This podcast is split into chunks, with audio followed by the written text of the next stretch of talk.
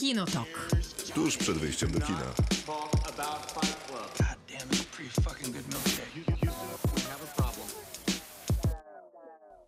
Krzysztof Majewski. Miłosława Bożek. Maciej Stasierski. W takim składzie przez dwie godziny będziemy rozmawiać o filmach i serialach. Dzisiaj o filmach, może trochę o serialach, bo jeden z cykli filmowych, który będziemy recenzować, to w zasadzie trochę jak serial, bo to, nie wiem, antologia, cykl, coś takiego. Trochę będziemy o tym rozmawiać, ale najpierw będziemy rozmawiać o slasherach. To jest Kinotok Podcast, program, który na żywo przez dwie godziny na antenie Radia Ram w każdy poniedziałek między 22 a 24, a podcast zawsze we wtorek pojawia się na wszystkich platformach, na których podcastów można słuchać i gdzie tylko można je znaleźć. Dzisiaj będziemy rozmawiali właśnie o wspomnianej antologii, którą zaproponował Maciej. Tak, jest to antologia, która się nazywa Fear Street, czyli Ulica Strachu. I są to trzy filmy, które są dostępne na Netflixie od chyba półtora tygodnia mniej więcej. I opowiadają generalnie historię takiej grupy młodych ludzi, którzy postanawiają zawalczyć z seryjnym zabójcą, a potem się okaże, że być może nie tylko z jednym. A może nawet zabójczynią się okaże. I jeszcze jest to sytuacja związana z takim pewnego rodzaju konfliktem pomiędzy dwoma miasteczkami, które są, które są bardzo blisko siebie. Jedno jest pewnego rodzaju skupiskiem wszystkiego, co złe, a drugie jest e, Bogate. jest bogate i bezpieczne i piękne. I wspaniałe, tak. i ludzie mądrzy. Później będziemy rozmawiać bardzo krótko, w sensie ty będziesz y, bardzo krótko polecał i rekomendował Octopus Film Festival, na który jedziesz, to Mhm. na północ Polski się wybierasz, a po horrorach będziemy zajmować się igrzyskami olimpijskimi, które odbywają się w Moskwie. Znaczy ja wiem, że teraz w Tokio, ale my będziemy się zajmować 80 rokiem w Moskwie, kiedy to słynny gest Kozakiewicza przechodził do historii. To film dokumentalny, który od piątku jest w kinach. A na koniec będziemy rozmawiać o serii filmów G.I. Joe. Tym razem jest to e, prequel, spin-off w zasadzie, bo opowiada o jednej z postaci, czyli Snake Eyes. Chociaż ja czytałem, że jest to jednak reboot całej serii, gdyż, e, gdyż wszystkie te, dwa poprzednie filmy zostają jakby odcięte Aha, i teraz no to reboot. zaczynamy od nowa. To tak, to reboot, to reboot. Czyli reboot, sequel, prequel, coś Bo tam, coś tam. ten Henry Golding jest ponoć już zakontraktowany na jeszcze dwa filmy. Nie, one nie powstaną. Raczej nie powinny. I jeszcze będziemy rozmawiać oczywiście o slasherach. To na sam początek programu, czyli w ramach w robocie. W piątek na naszych mediach społecznościowych na Kinotok Podcast pojawia się informacja z jakimś filmowo-serialowym tematem. Prosimy Was o odpowiedzi. Te odpowiedzi się pojawiają. Też jest możliwość wysłania odpowiedzi na w robocie w formie dźwiękowej, do czego zapraszamy. I też się chyba znowu wkopaliśmy, bo znowu dużo bardzo slasherów nasi widzowie i, i słuchacze Tak, wiadomo. już nam ale odebrali. Słuchaj, ja się już przyzwyczaiłem do tego, że jest jak jest. Krzysztof Majewski, małparadioram.pl, tam można nasływać w formacie MP3 I co, te dostałeś? odpowiedzi. Tak, dostałem, yy, dostałem, dostałem. Dobrze. Znaczy raz dostałem, więc te trzy razy dostałem są przesadą. Yy, Więc tam można odsyłać. Bardzo proszę o format yy, MP3. Tak jest najwygodniej, więc możecie się pojawić też w programie, a także w podcaście, zamiast pisać na Facebooku. Zapraszamy. Kinotok. Film. Czas na w robocie. Dzisiaj będziemy rozmawiać o slasherach, o horrorach, jak pisze Darek przed momentem. Żeby nie było, melduje się z zapalonym światłem.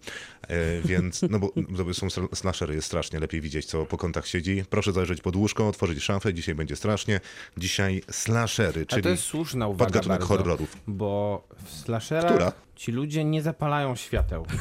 I Nie- schodzą do To jest tak piwnicy. głupie. To, e, I kie- schodzą do piwnicy. Albo słyszą jakiś dźwięk i idą go sprawdzić. Tak, Mimo, że zawsze. trzy osoby stamtąd nie wróciły. Zawsze, zawsze na dwór, w nie, lesie. Zamiast wziąć latarkę Chodźmy w te drzewa, chodźmy tam. Tak, nie zapalaj... Chodźmy do tego jeziora. plus, Na szczęście mam zapalniczkę, to sobie poświecę. plus zawsze uciekają, jeżeli są w domu i ktoś e, się pojawia w tym domu, to zawsze uciekają do góry, co też jest błędem, bo nie ma potem gdzie uciekać. No albo do piwnicy. Co też jest błędem, bo nie ma Tak, gdzie później uciekać. Dokładnie, więc e, Albo do szafy. w sumie powinni uciekać na ulicę. No ale Nie, jak nawet wiemy, po slasherach też się tam zdarza, że ktoś na nich czeka. Chociażby, we, prawda. no, chociażby w ulicach strachu, to tam nie jest łatwo, bo wiesz, bo ulice są strachu. Ale właśnie, czy to jest tak z slasherem, że jest straszny? Bo mi się wydaje, że bardziej jest brutalny i krwisty niż straszny. No to zależy, co cię, Horrory psychologiczne są takie trochę zależy, co bardziej. cię przeraża, bo y, ty od lat, znaczy od lat, no chyba od lat, bo już prawie dwa lata robimy ten podcast, opowiadasz, że nie lubisz horrorów, a później przychodzisz i opowiadasz Bo ja o... kocham slashery. Wszystkie ogląda, wszystkie ogląda, tak, dokładnie. No. Właśnie. Y, Więc nie wiem, co jest przerażające już w twoim mniemaniu. No taki baba dog, takie jak chodzą, takie strachy. Bo w slasherach raczej to nie straszy. dobra, może inaczej, egzorcyzmy Emily Rose są straszne? Tak, tak. Okej, a egzorcysta? No już kontekst jego z czasem się zmienił, on się stał bardziej kuriozalny po latach, Mhm. O, ale jak byłam... W ogóle się nie stał kuriozalny. Też mi się tak wydaje. W ogóle się Ale nie w taki zestarzał. pozytywny sposób, ale kiedyś był straszny dla mnie. Wiesz co, Maciek? Jesteś O. kuriozalny, ale w pozytywny sposób. No i widzisz, komplement liczy Nawet się cieszy. No. I powinien. Michał pisze tak. O, slashery są super. W moim serduszku miejsce mają te z lat 90., czyli Krzyk, pierwsze dwie części oraz Koszmar minionego lata i Urban Legends. Przerażały średnio, ale bawiły doskonale, a z klasyki poza oczywistymi wyborami jak Halloween i Piątek 13 wymieniłbym włoskiego reprezentanta, czyli Głęboką Czerwień w reż- reżyserii Dario Argento. No i wszystko, to nie jest slasher, No głęboka jest. czerwień. To jest giallo jednak klasyczne, No jeszcze prawda. dodatkowo inspirowane Antonionim, więc eh, tu miałbym problem z, tym, z tą klasyfikacją, bo tam nawet nie ma tego mordercy pokazanego nigdy chyba w głębokiej czerwieni. Ale to, I to chyba jest- jest... e, taka droga długa, krytyczna, że jednak on wpływał na tą później już uformowaną opcję, która została zdefiniowana jako może. slashery, więc często się go wrzuca jako takie początki całej slasherowej historii, więc można by było zaliczyć. To, dobra.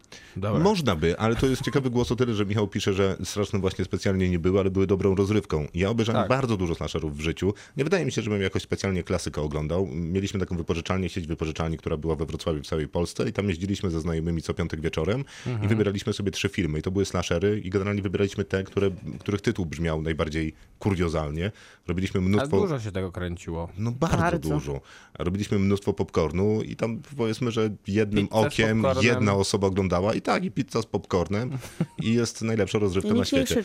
Przypominam, że to jest przepis na dobrą rozrywkę Tak tego jest, podcastu, że zamawiamy pizzę, posypują popcornem i w zasadzie każdy film wchodzi jak ta pizza z popcornem. E, Marek pisze, że ten gatunek jest u mnie na samym dole piramidy potrzeb filmowych, natomiast z ogromną przyjemnością i zupełnie charytatywnie zagrałbym w takim filmie. Mogę być czarnym charakterem, jego ofiarą, a nawet narzędziem zbrodni.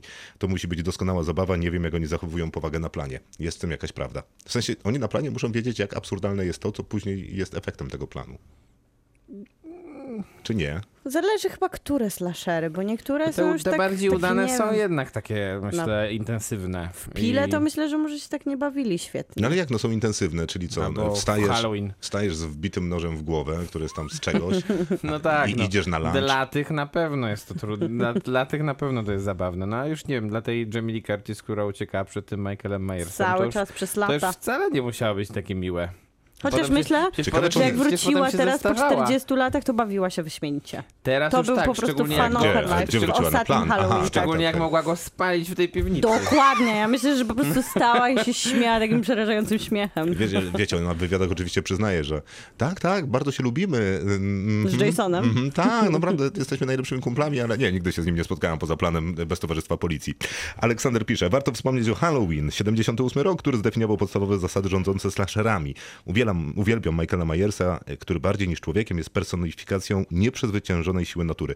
Dobra, to jest Aleksander, ja muszę się skupić, bo on używa trudnych słów. Tak, tak, to już po w zeszłym tygodniu też chyba Tak, było, tak, nie? tak. No nie jest łatwo z człowiekiem, ale będę próbował. Słuchajcie uważnie, bo się pogubicie. Jest personifikacją. Równie udany jest sequel z 2018, który słusznie zresztą pomija wcześniejsze, mniej lub bardziej nieudane kontynuacje. Jednak największym koszmarem mojego dzieciństwa pozostanie Freddy z koszmarów z ulicy Wiązów. Motyw zabójcy mordującego swoje ofiary we śnie, czyli momencie, gdy jesteśmy najbardziej bezbronni, genialny. Dużym sentymentem darzę także filmy z serii o laleczce Chucky i choć remake nie wszystkim przypadł do gustu, to w mojej opinii dobrze mu wychodzi prześmiewcze komentowanie naszego przywiązania do technologii. Ostatnim największym pozytywnym zaskoczeniem był film Wagary z 1989 roku, który udało mi się zobaczyć dzięki Nowym Horyzontom i genialnemu cyklowi Najlepsze z najgorszych. I to chyba Radek Pisula z Julianem Mielińskim robią na pół. Tak robią. Czyli Brody z kosmosu i Full Frontal Pisula w internecie, gdyby ktoś chciał posłuchać, poszukać, znaleźć, poznać chłopaków. Obejrzeć. Tak też. Naprawdę zabawna czarna komedia utrzymana w slasherowej konwencji. Jeden z pierwszych filmów z Bradem Pittem w roli głównej. Na zakończenie chciałbym wspomnieć o Porąbani, który bierze te wszystkie motywy znane ze slasherów i wywraca je do góry nogami. Prosta, acz mądra, a przede wszystkim zabawna lekcja o tym, że nie warto wszystkich oceniać przez pryzmat uprzedzeń oraz stereotypów. Wybaczcie mi, że znów się rozpisałem. No ładnie. Nieźle, nieźle, no. A, porąbani to jest Tucker i Dale kontra zło. Tak. To ja nawet nie wiedziałam, że to jest, są porąbani. Patrzę, myślę, skoro to coś przewraca, jeżeli chodzi o gatunek, to, musi być to. brzmi jak Tucker i Dale. Słuchajcie, no proszę. na koniec jeszcze dorzucę Martę y, i Marta mówi, że to teksańska piła, teksańska, Teksańska masakra, masakra. piłą mechaniczną. Film Teksańska wywołuje... piła mógłby być taki skrót. Teksańska. Teksańska piła masakrą mechaniczną. Bardzo dobry tytuł. Bardzo dobrze, zrobimy ten film. E, Film wywołuje niezmiennie duże emocje. Kiedyś przerażenie, t- kiedyś przerażał, teraz śmieszy. Autostopowicz, po raz pierwszy obejrzałem go w świetlicy na koloniach. Sentyment pozostał. I tu jest Wilkołak. I to jest 2018 rok, to chodzi o polskiego Wilkołaka, tak? No nie Ale wiem. to żaden żaden slasher. slasher. No żaden slasher. Ale cz- czekajcie, doczekajmy do końca. E, Wilkołak i Monument, nie do końca slashery, ale filmy ocierające się o gatunek i w kategorii polskiej produkcji polecam bardziej niż w lesie dziś nie zaśnie nikt. No to bardziej chyba ocierające się o gatunek horroru, ale nie slashera. Mhm. Tak, to bym się zgodził, bo w lesie dziś nie zaśnie nikt jest horrorem jest i w zdecydowanym slasherem. Klasyk Tak, slasher. tak, tak. Natomiast i Wilkołak i Monument y, jakoś tam Są takie romansują. thrillerowo-horrorowe, gatunkowe. I oba filmy ciekawe. Monument pewnie moim zdaniem ciekawszy niż No, Wilkołak, chociaż bardzo też pomysł bardzo miał dobry. Kontynuujemy w robocie, czas na nasze głosy, ale zanim nasze głosy, to jeszcze głos y, Jakuba. I to głos, nie tekst, bo Jakub zdecydował się nagrać, więc skupcie się przede wszystkim na pierwszym zdaniu. Cześć, na początku chciałbym Was pozdrowić, jako że prowadzicie najlepszy podcast o kinie w Polsce, ale tutaj koniec e, słodzenia, przejdźmy do rzeczy. Moim typem jest żelazny klasyk Johna Carpentera pod tytułem Halloween, a to w zasadzie dlatego, że to jeden z pierwszych filmów, które widziałem na VHS-ie. Zobaczyłem okładkę w domu, jakaś maska, pomyślałem, będzie fajnie, no bo w końcu maska, to mi się skojarzyło z filmem Maska z Jimem Carreyem. No i oczywiście pierwsza scena, morderstwo. Tutaj można się domyślić, że będąc dzieckiem nie obejrzałem tego filmu do końca i miałem przez jakiś czas traumę z tego powodu. Jakiś czas później w szkole rozdzwonił się telefon mojego nauczyciela, który miał ustawiony kawałek ścieżki dźwiękowej tego filmu, więc można sobie wyobrazić reakcję ośmioletniego chłopca, który czekał na pojawienie się Michaela Myersa na lekcji o 9 rano. Ale potem oczywiście dorosłem, obejrzałem, doceniłem i pokochałem, tak jak większość filmów Carpentera. Najbardziej mi się podoba e, Michael Myers e, na lekcji o dziewiątej. Bo jakby przyszedł o 11, no to jeszcze po długiej przerwie to już by mógł, ale o dziewiątej Michael Myers nie wstaje tak wcześnie. Jakub, dzięki serdeczne. Gdyby ktoś chciał do Jakuba głosowo dołączyć, Krzysztof Majewski, małparadioram.pl. Najlepiej w formacie MP3, to również do ciebie, Jakubie, mówię, panie w formacie WAVE. Tymczasem... Aha, czy jednak. Tak, Sztyczek. Ale wybaczamy, bo to debiutant, więc można. Okej, kto będzie zaczynał? Ale najpierw powiedzcie, czy slashery dziękuję. były ważne w waszym życiu? Tak Wiadomo, drżały ręce, żeby zadać Daj to spokój, pytanie. to jest budowanie suspensu. wiadomo, że były. Na maksa. Siedzieliście z koleżankami, kumplami, Totalnie. jedliście popcorn na Tak. pizzy. Niezmiernie mnie zawsze bawiło, że niektóre koleżanki się strasznie bały. Ale czego się? Bardzo No na przykład Wiesz, jak- Miłka też mówi, że się boi. No. Mam, mam taką grupę znajomych, z którą ogle obejrzeliśmy wszystkie części Krzyku. Mhm. Tak dosyć krótkim odstępie czasu, bo one już były wszystkie praktycznie puszczone. Ale to były czasy VHS-u, czy już CD-ków? Nie, to już były, to już były na CD, na DVD. Eee, Więc, Ałe? ale to było zawsze, to była wspaniała rozrywka dla mnie. Ile ktoś się bał na krzyku? Tak. Okej. Pozdrawiam cię, Elu. No dobra, ja pozdrawiam Mariankę. Ona też się tak boi, że oglądałyśmy zawsze filmy w ten sposób, że ona miała kocyk albo kołdrę, albo poduszkę, jakikolwiek element, który mogła przykryć twarz i jeszcze krzyczeć do niego ze strachu. To dobre do oglądania krzyku. Ale takie też interesujące, że się podejmują te, te osoby, które się boją jednak oglądania, więc jest coś No to- to kuszącego O, tak, w tych, tak, Nie, no, tych to nie- falach lęku. To nie jest interesujące, to jest chyba najbardziej naturalne, nie? że Mhm. ludzie robią przecież takie rzeczy. No, jak skaczesz ze spadochronem, no to przecież też pod... się boisz, nie? nawet jak nie masz lęku wysokości. To prawda, ale chociaż Freddy... Dlatego zawsze mi się wydawały horrory takie mało interesujące, no bo one bazują na takim najprostszym mechanizmie, który można wywołać w człowieku, nie? czyli lęk. Mnie mnie bardziej się podobała ta społeczna aktywność, że jak slasher to wszyscy przychodzili. Ale slashery miały w sobie coś wie, właśnie mało tego lęku, więcej takiej brutalności, dużo krwi, No, no, no, takiej... się dobrze gadało. Takiej naturalnej Taki jednak satysfakcji wynikającej z tego, że ci ludzie umierają na tym ekranie. Ta- Zwłaszcza najpierw ci najładniejsi, albo ja mam- to jest jakaś kara za to, że nadużywają alkoholu albo narkotyków, albo seksu, jak wiele slasherów No, sugerowało, a z drugiej bo strony Drew. Barrymore to jest znana prawdopodobnie z wielu rzeczy, ale głównie tej, z tej otwierającej sceny w krzyku. No Ale myślę, co że już takiego później jest? się a, Drew odbiło. Barrymore. A Drew Barrymore. I robienie popcornu, którego nie zdążyła położyć na pizzy.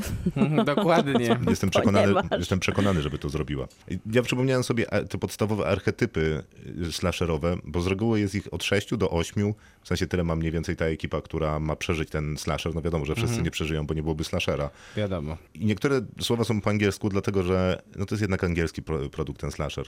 I tym pierwszym jest jog, to jest sportowiec, atleta, ten przys, przystojny, który zawsze jest w tej sportowej kurtce szkoły, albo koledżu, y, albo koszykówki, albo baseballu, albo... I on jest zwykle chłopakiem chyba głównej bohaterki. Nie, zwykle jakieś cheerleaderki? Aha, takie tak. koleżanki, która gru- ginie A, czy, druga. a czy liderka to jest generalnie żeńska wersja Joka. No, Tak, jest tak, tak. ładna, atrakcyjna. jakoś ginie. Tam, I ginie. Dosyć No, szybko, w pierwszej nerdy? trójce. Jok też szybko ginie, ale Jok jest Dok, ciek- tak. Jog ma z reguły ciekawy ten, tę narrację, bo on jest irytujący dla widza, Mhm.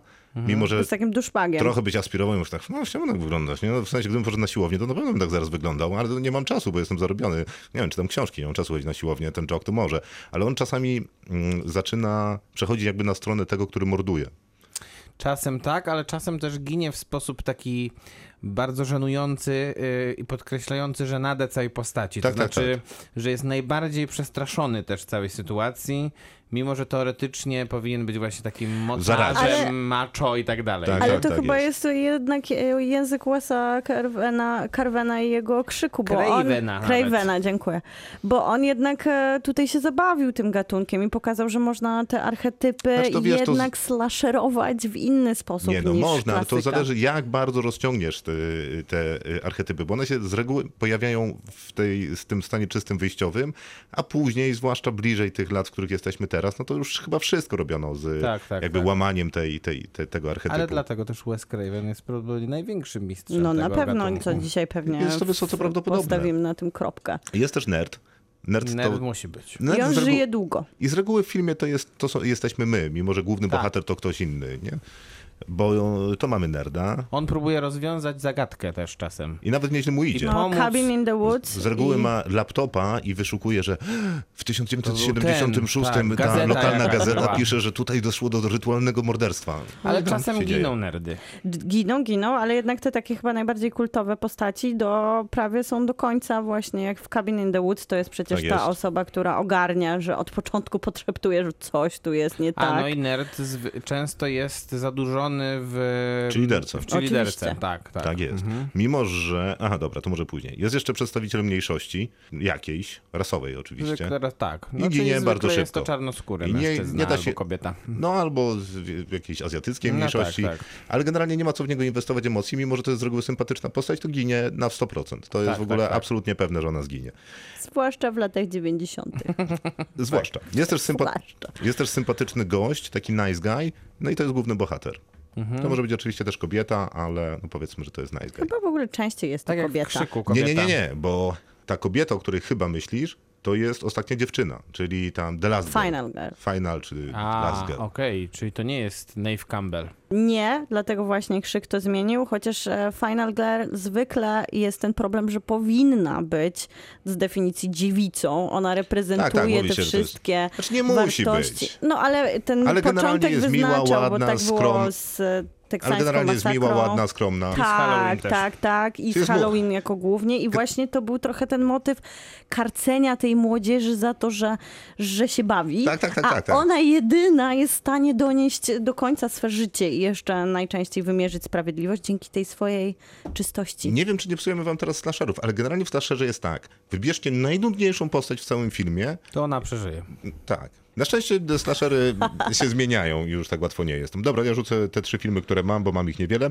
Candyman z 1992 roku z Tonym Toddem. Kurde, nie oglądałem tego. Słuchaj, ja mam z tym, ja mam małą historię z tym związaną. No to dawaj. Obejrzałem chyba nawet nie cały ten film, tylko jakieś urywki i byłem młodym człowiekiem, a mam brata 6 lat starszego, kuzyna 6 lat starszego i kuzynkę 11 lat starszą. Oni wszyscy ten film obejrzeli. I generalnie Candyman polega na tym, że jak idziesz do lustra i powiesz trzy razy Candyman, Candyman, trzeci nie powiem, to Candyman przychodzi do ciebie w w nocy, Candyman zabije. ma hak i cię zabije. Nawet I film teraz ma być, ma być remake Jo- tego. tak, i Jordan Peele będzie go robił. to prawda. I przez e, tak Czyli już naprawdę... jest zrobiony tak, tak, naprawdę. dokładnie, Miał bo przesuniętą go premierę przez COVID. Mhm. 10 lat później, po tym jak rozmawiałem z moim e, rodzeństwem, e, które mnie wkręcało, że jak powiem to trzy razy do lustra, dalej jak myłem zęby sam w łazience, kiedy nikogo nie było w domu, zastanawiałem się, czy- żeby przypadkiem nie powiedzieć Candyman w myślach trzy razy, więc liczyłem sekundy mycia zębów, Czyli żeby jednak. mieć w głowie coś innego niż Candyman. Więc ten film działa dosyć mocno. Mhm. Jest bardzo typowym slasherem. Wielki człowiek przychodzi w nocy i wiesza cię na haku. Nic miłego. Na haku takim e, rybackim. Tak, Tak. takim jak było w Koszmarze minionego lata. Dokładnie A, tak, tak, ten tak, sam tak. hak. Tylko tamten, tego bohatera widać po prostu od początku. E, Którego? Candymana widać. Nie, nie, tego w koszmarze minionego lata widać, bo on on, ma płaszcz. Bo on bo koszmar minionego lata przecież polega na tym, że oni jadą jacyś, jedzie jakaś ekipa i przejeżdżają kogoś, no mają wypadek samochodowy. I ten człowiek chyba ginie. Oni tak przynajmniej myślą. Oni tak myślą. I próbują ukryć to, że coś się wydarzyło. I on zaczyna ich mordować. Tylko, że tam jest taka, tam jest twist Kropka. na końcu, nie, nie, tam jest na końcu twist. Oni są przekonani, że to jest człowiek, który tam jest powiązany z historią, że dziewczyna Bo popełniła sa- samobójstwo. Dokładnie.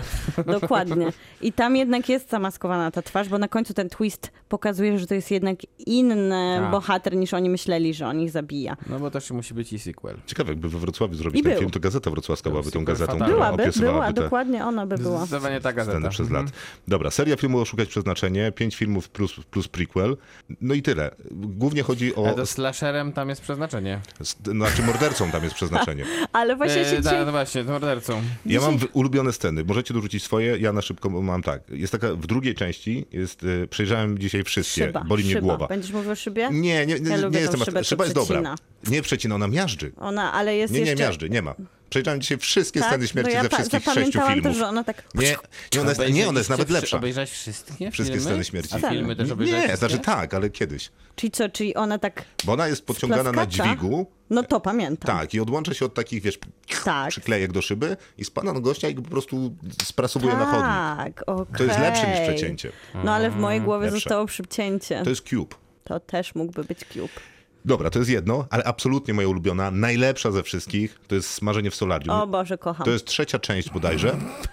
Ale to zostało Cieka- też w koszmarze minionego lata Ciekawa wykorzystane. reakcja. O Boże, kocham. No, jak ktoś usmażył cię w solarium. Ale to też jest koszmar minionego lata. Ale to jest idealne przeznaczenie, bo wiesz, wchodzisz ja- do, do tej dziupelki, która teoretycznie może się zablokować, no ale tam jest tyle wyjścia, że jak ktoś jest, no nie wiem, szczupły ale, albo wątłej postury, to by się wyślizgnął. No tutaj tak, tak nie jest. No i to jest przekręcone na tam, nie wiem, na 300 tych watów czy czegoś tam. No i po prostu ją tam pali. W tej, No tak. Wypala ją. No bo w koszmarze jest ja tak, że lubię... Mhm. ona jest, bohaterka jest em, przez oprawcę z hakiem zamknięta takimi łańcuchami w tym A, solarium. a to w I wtedy to ma, chyba. tak, tak, tak, w drugiej części. I wtedy to ma sens, bo nie, Ale nie wtedy to zatrzasnęła się, tylko po prostu morderca ją tam smaży. Ale wtedy to nie ma sensu, kiedy to ma sens. Wiadomo, że to nie ma wtedy sensu, Dokładnie. dlatego dużo bardziej kocham, że solarium samo Ja się lubię, zabija. ja lubię tą scenę chyba z tymi... na autostradzie. Nie, no oczywiście, do dzisiaj, To kiedy to klasyk. jest moj, To moja trzecia ulubiona, do dzisiaj, kiedy jadę z, za samochodem ciężarowym, który, Który przewozi belki pale, drewna. Tak, drewna, no to, No to tak. po prostu widzę, jak one się wbijają w szybę samochodu, wszyscy giniemy marnie, a facet nawet tego nie zauważa, jedzie dalej tym samochodem. Dokładnie tak. I to ostatni wygląda film- zawsze. I ostatni film, który mam, to Driller Killer. To jest pierwszy film Abla Ferrary, w zasadzie nie pierwszy, bo wcześniej robił filmy pornograficzne. Dokładnie. 1979 To jest rok. bardzo cienka linia pomiędzy e, kinem, w sensie fi, e, slasherami, a kinem erotycznym, bo w latach 70. kino eksploatacyjne tak naprawdę uprawiało i seks, i przemoc na Prawda, jednym to prawda. ekranie. 1979 rok. yy, No właśnie. Ablem Ferrarą w, w roli głównej również, nie tylko jako reżyserem. I to jest ciekawa historia, bo O. British Board of Film Classification, który działa do dzisiaj i to jest y, ta organizacja, która przy, y, przyznaje od jakiego wieku ten film można oglądać. Mhm. Nie, że tam PG-13 czy coś tam. To oni w latach 80. mieli coś takiego, co przeszło do historii jako wideo nasty i tam było około 70 filmów, które zostały zakazane na podstawie ustawy o gorszących publikacjach.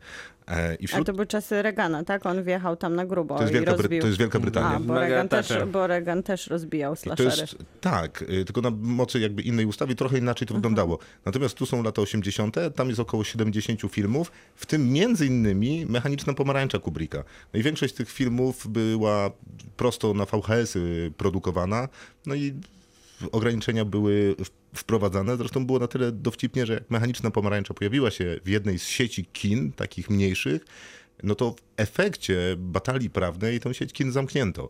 A zresztą sam Kubrick wycofał Mechaniczną Pomarańczę i zakazał jej pokazywania, no bo ona budziła całe mnóstwo ko- kontrowersji, głównie dlatego, że pojawili się naśladowcy, którzy nie robili nic y, dobrego.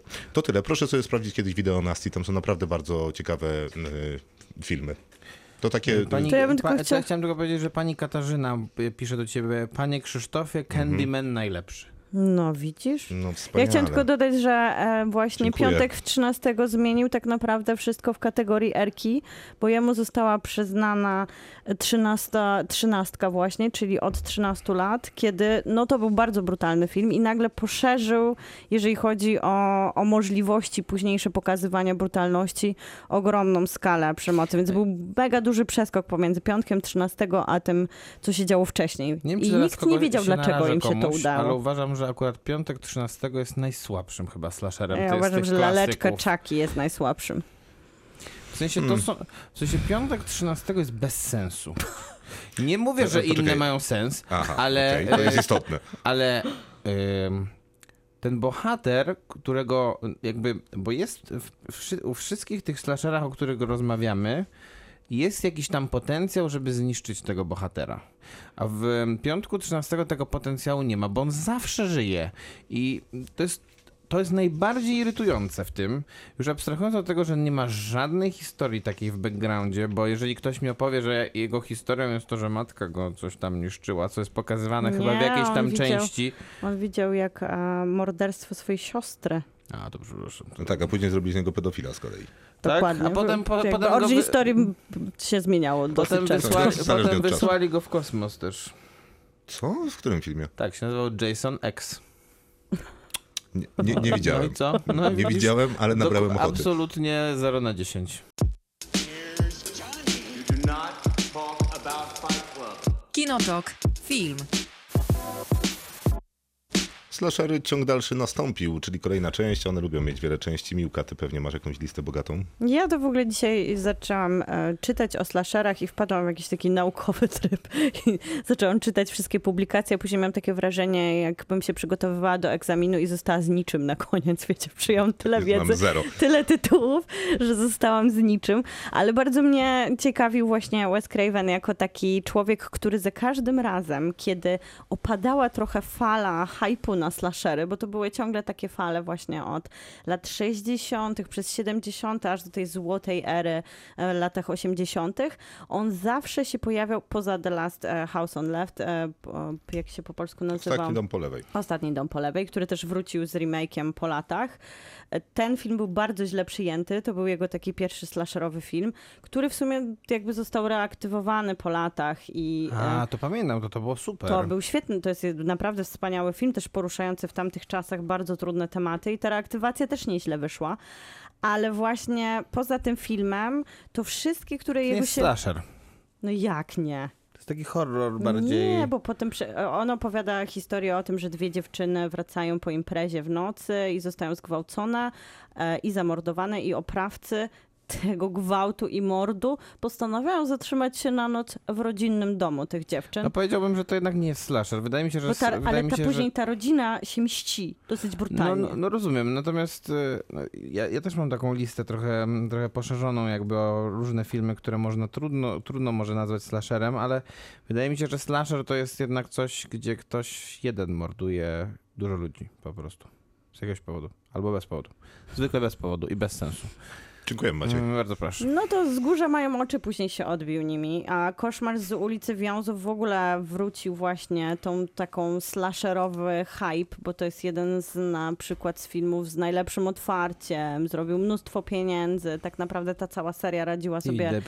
Świetnie, dokładnie. Poza tym właśnie to był niezły koncept na straszenie, bo jak sam, ko- jakby sam koszmar, oglądanie go nie było takie straszne, to to, o czym napisał, napisał nasz słuchacz, że koncept, że coś nas dojedzie w nocy jak To będziemy jedzie. spać, Takie, jest takie przebiegły. słownictwo z ulicy. No, wiązów, Coś nas dojedzie. wiązów. Więc Ale tutaj... scena, w której, której łóżko wchłania Johnego Deppa jest znakomita. Mhm. I to był taki mocno działający na wyobraźnię, więc bardzo... Później em, człowiek ma problemy ze snem, jak sobie Tak, to przypomina tę prawda. scenę. Się tym No, ale ja też właśnie Wtedy staram mam się... problemy ze snem, to może dlatego. Może przez to, że oglądałeś w dzieciństwie właśnie. Zastanawiałam się dzisiaj o, no, właśnie o takie rozszerzanie i też zastanawiałam się o tym, co ty wybrałeś, Krzysztof, czyli oszukać przeznaczenie. Czy to jest slasher, czy nie? I on jakby w tych moich naukowych badaniach był e, elementem, który jak American Psycho rozciąga właśnie trochę tą granicę e, tłumaczenia sobie slasherów.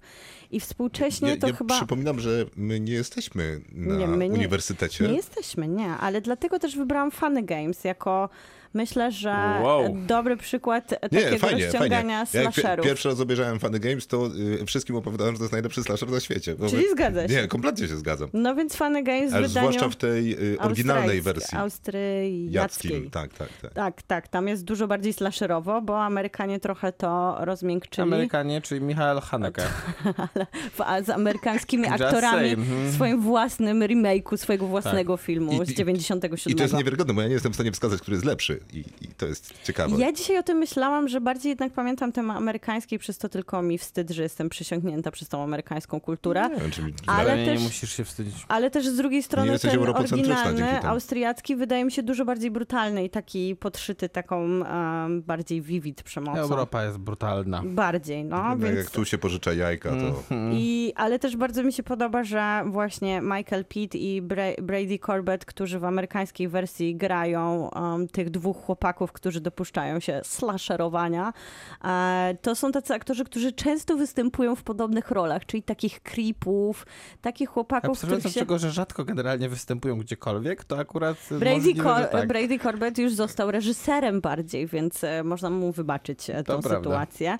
Przykład później- Vox Lux. Dokładnie. Bardzo dobry film. Tak jest. Później też myślałam o Jordanie Pilu i Tomé, który jest świetnym slasherem. Ja i... myślę, że Get Out też jest. Tak, chociaż Tommy to już jednak sobie pozwala na takie slasherowanie. Scena z, em, jak się nazywa ta aktorka? Elizabeth Lupita Moss. Nyong'o. A, Elizabeth mm. Moss, która bardzo często w ogóle zostaje zaslasherowana w różnych konwencjach. ona jest częściej y, jest torturowana fizycznie i tak, psychicznie dokładnie. przez na przykład 40 godzin se- m, serialu. Na przykład. Albo przez e, wznowienie filmu o Niewidzialny Człowiek, gdzie też dostaje sporo Ale przemocy. potem ona też, że tak powiem, odpowiada, odbi- odpowiada pięknym za nadobne. W 35-sekundowej scenie. Tak, Z I- czego w 5 przez się przebiera. Tak. I z tych nowszych, żeby wyczerpać jednak te głosy, zabrały większość takich klasyków, to też przypomniałam sobie wspaniały film, który nie wiem dlaczego miał taką złą publikę i polecam go po latach. On się tylko, on się tylko dobrze starzeje. I to jest Jennifer's Body, czyli Zabójcze O Ciało nie. z To Megan jest Megan Fox. Fox? Tak. Uwielbiam ten film. To jest wspaniały To film. jest świetny. On po latach tylko zyskuje i się staje takim manifestem feministycznym. Megan Fox w ogóle teraz ma przebudzenie i wróciła na Widziałem scenę ją w mediach życia społecznościowych, to prawda. Tak, więc em, Ale jakie mam przebudzenie? Nie, Jennifer's Body jest świetny, bo ona tam gra sukuba, czy jakiegoś tam innego inkuba, Tak, w sensie jakiegoś tam obcego. demona, który y, pożera ludzi przez seks. To mi przypomina taki film, który kiedyś na wieczorkach y, właśnie tych ze znajomymi obejrzeliśmy. Jest po 22, więc sobie pozwolę, ale powiem to bardzo cicho i bardzo szybko. Nazywał się Vagina Dentata. I po tym tytule proszę wywnioskować, jak dochodziło do śmierci. No i właśnie tutaj mamy takie idealne połączenie właśnie lat 70. i seksu i przemocy i wspaniale Megan Fox jest do tego obsadzona, ale tam też ciągle ona powtarza, że to mężczyźni są jej pożywieniem, bo są źli, co stara się udowodnić Amandzie y, z, z Seyfield, która jest przy okazji właśnie tą final girl, czyli taką dziewicą, niewinną, która tak naprawdę trochę marzy jednak o tej Megan Fox, bo kto nie marzy o Megan Fox z Jennifer's Body, tam jakby ona, jej ciało jest głównym narzędziem przemocy. Więc to jest e, bardzo fajny film, który wydaje mi się bardzo taki współczesny i zupełnie się odbił w tym 2009 roku. A teraz jak się go ogląda, to wydaje mi się mega festiwalowy, że jakby go puścić Jak na się odbił? festiwalu. Ja bardzo lubię 2009 rok i ten film i myślę, że na Oktopusie by się No sprawdził właśnie, świetnie. siedziałoby pewno, się i dyskutowało o nim. Wszystko Miłka? Tak. Dziękujemy. Maciej? Ja mam takie tytuły. Yy, Happy Death Day, czyli Śmierć nadejdzie dziś. To jest taki, to jest taki slasher A z nowy elementami, 2000 coś... z elementami Dnia Świstaka. Mhm.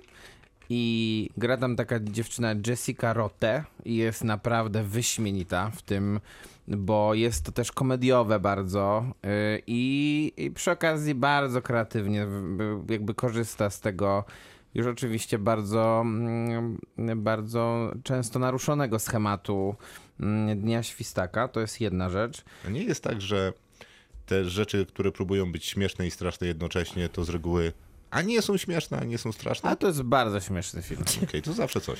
Yy, Ale też ci e, porąbani, czyli Tucker i Dale kontra zło, to jest śmieszne. To jest śmieszne, że nie wiem, czy kojarzycie, o czym jest ten film? No mniej więcej. Że jest dwóch e, typów, którzy wyglądają tak właśnie, przepraszam, że użyłam słowa typów, ale oni wyglądają jak Już, takie... Wiem, już, już mówiłaś dzisiaj o tym, że coś kogoś dojechało, więc generalnie myślę, że spokojnie. I oni, I oni mieszkają w takiej chatce w górach i przyjeżdża taka grupa młodych ludzi, która zawsze zostaje zaatakowana przez właśnie tych e, ludzi, lokalsów, którzy mają złe intencje w stosunku co do nich. I oni widzą, jak dziewczyna tonie, a ci przyjaciele widzą, jak oni porywają tą dziewczynę. I oni starają się jej pomóc w tej chatce w górach, a jej, jej przyjaciele starają się ją uratować. I robią to w tak nieporadny sposób, że ciągle się sami zabijają. I te typy siedzą w tej chatce i się śmieją, że najechała ich, o to znowu, najechała ich jakaś grupa samobójców, którzy popełniają w brutalny sposób ciągle samomord wokół ich domku. Jest to dosyć zabawne. Jest, ja, jest. ja jeszcze mam dwa tytuły, które łączy jedna aktorka, się nazywa Samara Waving i jeden film to się nazywa Ready or Not, czyli Zabawa w pochowanego. To jest taki trochę slasher, trochę nie, natomiast y, myślę, że można byłoby go w jakimś tam sensie do tego zaliczyć, bo film opowiada historię panny młodej, która poznaje rodzinę swojego ukochanego.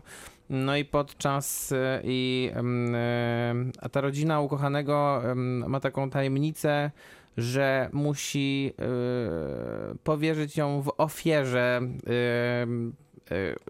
bodajże diabła, który, który czy, czuwa nad, nad dobrostanem tej rodziny.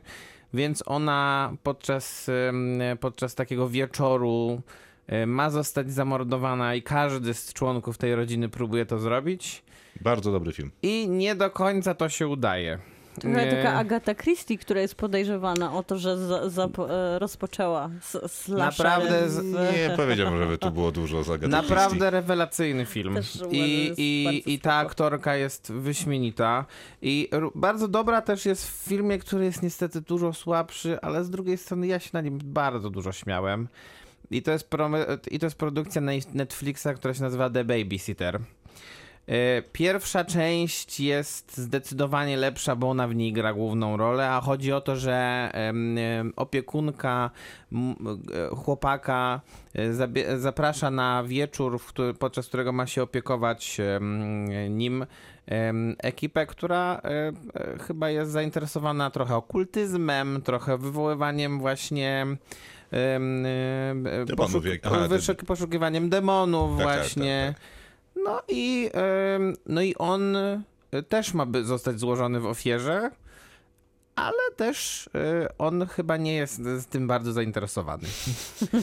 Więc to jest to. Myślę, że psychoza Alfreda Hitchcocka to jest ważny, ważne, że, ważne, żeby wybrzmiała jednak, bo Bardzo mi się podoba, jak mówisz, ważne, żeby wybrzmiało. Wtedy naprawdę uważam, że to jest coś ważnego i mam ochotę to zanotować. Rozumiem. Więc słuchaj, ja notuję. Dlatego, że no to jest chyba jednak slasher taki klasyczny bardzo już. Y, Anthony Perkins, który zagrał Normana Batesa, to jest myślę, że jedna z najbardziej ikonicznych postaci w ogóle kina. No tak, bo on jest, to przychodzi już wszystko powiedziano, ale no, dlatego jest przerażający pewnie, że ten Norman Bates nawet Jest w imieniu strasznie ma... nor- strasznym taką- normikiem. Tak, tak, tę normalność, codzienność, Tak. mijasz go pewnie na ulicy 10 razy. No i oczywiście klasyczna, wy, wyśmienicie zmontowana scena pod prysznicem z nożem, którą prawdopodobnie każdy widział, a jak nie widział, to pewnie, to, myślę, że widział każdy, nawet nieświadomie. No i niestety był też nieudany, Psycho. nieudany, nieudany remake tego filmu z reżyserii Gasa Van Santa, Psychol, mm, z, z Vincem Vonem Mhm. chyba w roli Normana Batesa. No a potem chyba był ten, ten serial chyba nie był najgorszy. Norm e, Bates Motel, już o samej matce Normana Tak. Batesa, którą grała Vera Farmiga, a, a dziecko grał chyba W sensie Freddie on Highmore. bardzo młody, nastoletni. Tak, i, i to był taki origin story, o którym też będziemy, origin story będziemy dzisiaj też e, dotykać, ale później. I ja dziękuję. To w ogóle dziękujemy. To za moment recenzujemy trzy części Fear Street, czyli ulicy Strachu. E, Później mamy jeszcze Po Złoto, e, czyli historię Władysława Kozakiewicza. A na koniec mamy Snake Eyes, mhm, The G.I. Joe Origin Story. Kinotok. Film. Ulicę Strachu. Teraz we Wrocławiu jest 23, w sensie w Polsce jest Myślałem, że 23 w powiesz, ogóle. myślałem, że powiesz, jakie są ulice strachu we Wrocławiu. Nie, bo nie chcę, wiesz, budować jakichś Nie chcesz stereotypów. obrażać nikogo, rozumiem. No, dokładnie. Słusznie. Moja ulica jest ulicą Strachu, bo mieszkam na ulicy Zwycięskiej. Jest to ulica strachu dla wszystkich kierowców. Tak. Mhm, Mijam ich, się. mijam ich na rowerze, macham im rączką zawsze. A Ludzie się stoją. dziwią w samochodach. Dlaczego ten gość to jest macha? I dlaczego on jedzie, a my stoimy? No to muszą do tych wniosków dojść sami. Y, Tutaj do radia zbudowano mi piękną drogę rowerową. Znaczy może nie piękną, bo na trochę y, nasiąka deszczem, jak spadnie. Ale nie o tym będziemy rozmawiać. Fear Street, y, ulice Strachu, część pierwsza, druga i trzecia. trzecia. Wszystkie wyszły naraz. Reżyserka... Nie, wszystkie, Nie, wszystkie z- wyszły co- Przepraszam, wszystkie wyszły co tydzień. Nie, nie, też nie. Jak? Co tydzień W wyszły? przerwach chyba dwóch czy trzech dni. Nie, naprawdę? Tak, tak. Mhm. Okej. W każdym razie ja obejrzałem wszystkie z rzędu, wy też już możecie, na Netflixie. Reżyserka mówi, że chciałaby stworzyć uniwersum. No uśmiałem się. A No reżyserka jak chyba- się nazywa? Nazywa Bo ma jakieś polskie się- nazwisko, tak, nie? Janicki. Tak, tak, tak. Nie, Lijaniak? Nie, nie, Dobrze nie, nie, nie, zapamiętałem? Bardzo dobrze zapamiętałem. zapamiętałeś. A? A, a trochę Kto ona by chciała jeżeli stworzyć chodzi o nazwisko, to kto miałby zapamiętać? uniwersum, to dlatego, że mm, to jest literatura, na której ona bazowała. Tak, to. R.L. Stein, który zaczął w Zaczynam, 89 zaczynam obniżać pisać. swoją cenę. I on tak pisał i pisał. Najpierw właśnie napisał tą trylogię, później postanowił dać taką młodszym, młodszym jeszcze, bo to jest dla nastolatków. Fear Street jest skierowane Tak, do to, to jest nastolatków. high school, szkoła A w średnia. 95 napisał takie trochę, jakby miała to być gęsia skórka w odpowiedzi do Kinga, więc dla takich maluchów i tam były jakieś duchy, kosmici, potwory. I on tak pisał do lat 2000. No, ale tych książek ile jest? spokojnie Sied- siedem- uniwersum. 17 chyba jest tych książek. Bardzo jest ich dużo. No więc faktycznie dużo, ale nie bawi mnie to, że nie wiem, robimy jakikolwiek film. Najlepiej by było zrobić z tego uniwersum. jednak. Zróbmy, tak, tak, tak. Szczególnie Netflix, jak będzie to finansował, to trzeba to zrobić, trzeba, trzeba odbić się od tego, co robi Disney i Jasne, wszystkie tylko inne. że jak mieliśmy y, Marvel Cinematic Universe, to tam pierwsza postać um, umiera w 30 filmie. Natomiast w ulicach strachu w tam pierwszych pięć umiera w pierwszym. No ale główne dożywają jednak. No to prawda. Właśnie.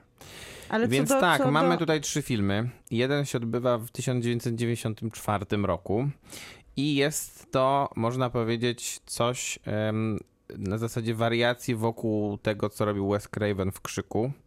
To znaczy mamy tutaj high school, e, w którym ginie, e, z którego, którego giną uczenni, ucze, uczniowie. No i trzeba, że tak powiem, sobie poradzić z tym, że tak się dzieje. E, Ale jak się okazuje, jednak to nie jest zwykła sytuacja, to znaczy nie mamy do czynienia z zabójcą, tylko mamy jednak do czynienia z jakąś siłą nadprzyrodzoną. E, Więc, żeby, te, żeby poszukać jakby źródła tej siły nadprzyrodzonej, to w drugim filmie cofamy się o 20 lat. E, czyli do którego? 77 chyba, tak? Czy 74, 74? czyli do wydarzeń pewnej bohaterki, do której dzwonią nasi Dokładnie. bohaterowie pierwszej części. I tak A jak ta w bohaterka? latach Tak. 80. był umiejscowiony ten pierwszy, więc odnosił się do klasyków lat 80. Nie, tak Nie, samo. już, już w 94. 94. E, No ale on się odnosi Trzy do klasyków. lata przed powodzią. E, tak, lat bardziej 80. i 90. Tak samo jak ta druga część się odnosi właśnie do takiego klasycznego kina e, lat 70., gdzie obozo, na obozie były najczęściej. To też jest taki klasyk e, s- slasherowy, o czym nie mówiliśmy, że co wy, wykorzystane zostało w w lesie wielu dziś filmach. Dokładnie właśnie w polskim filmie, gdzie tutaj mamy takie 70., czasami 80. lata.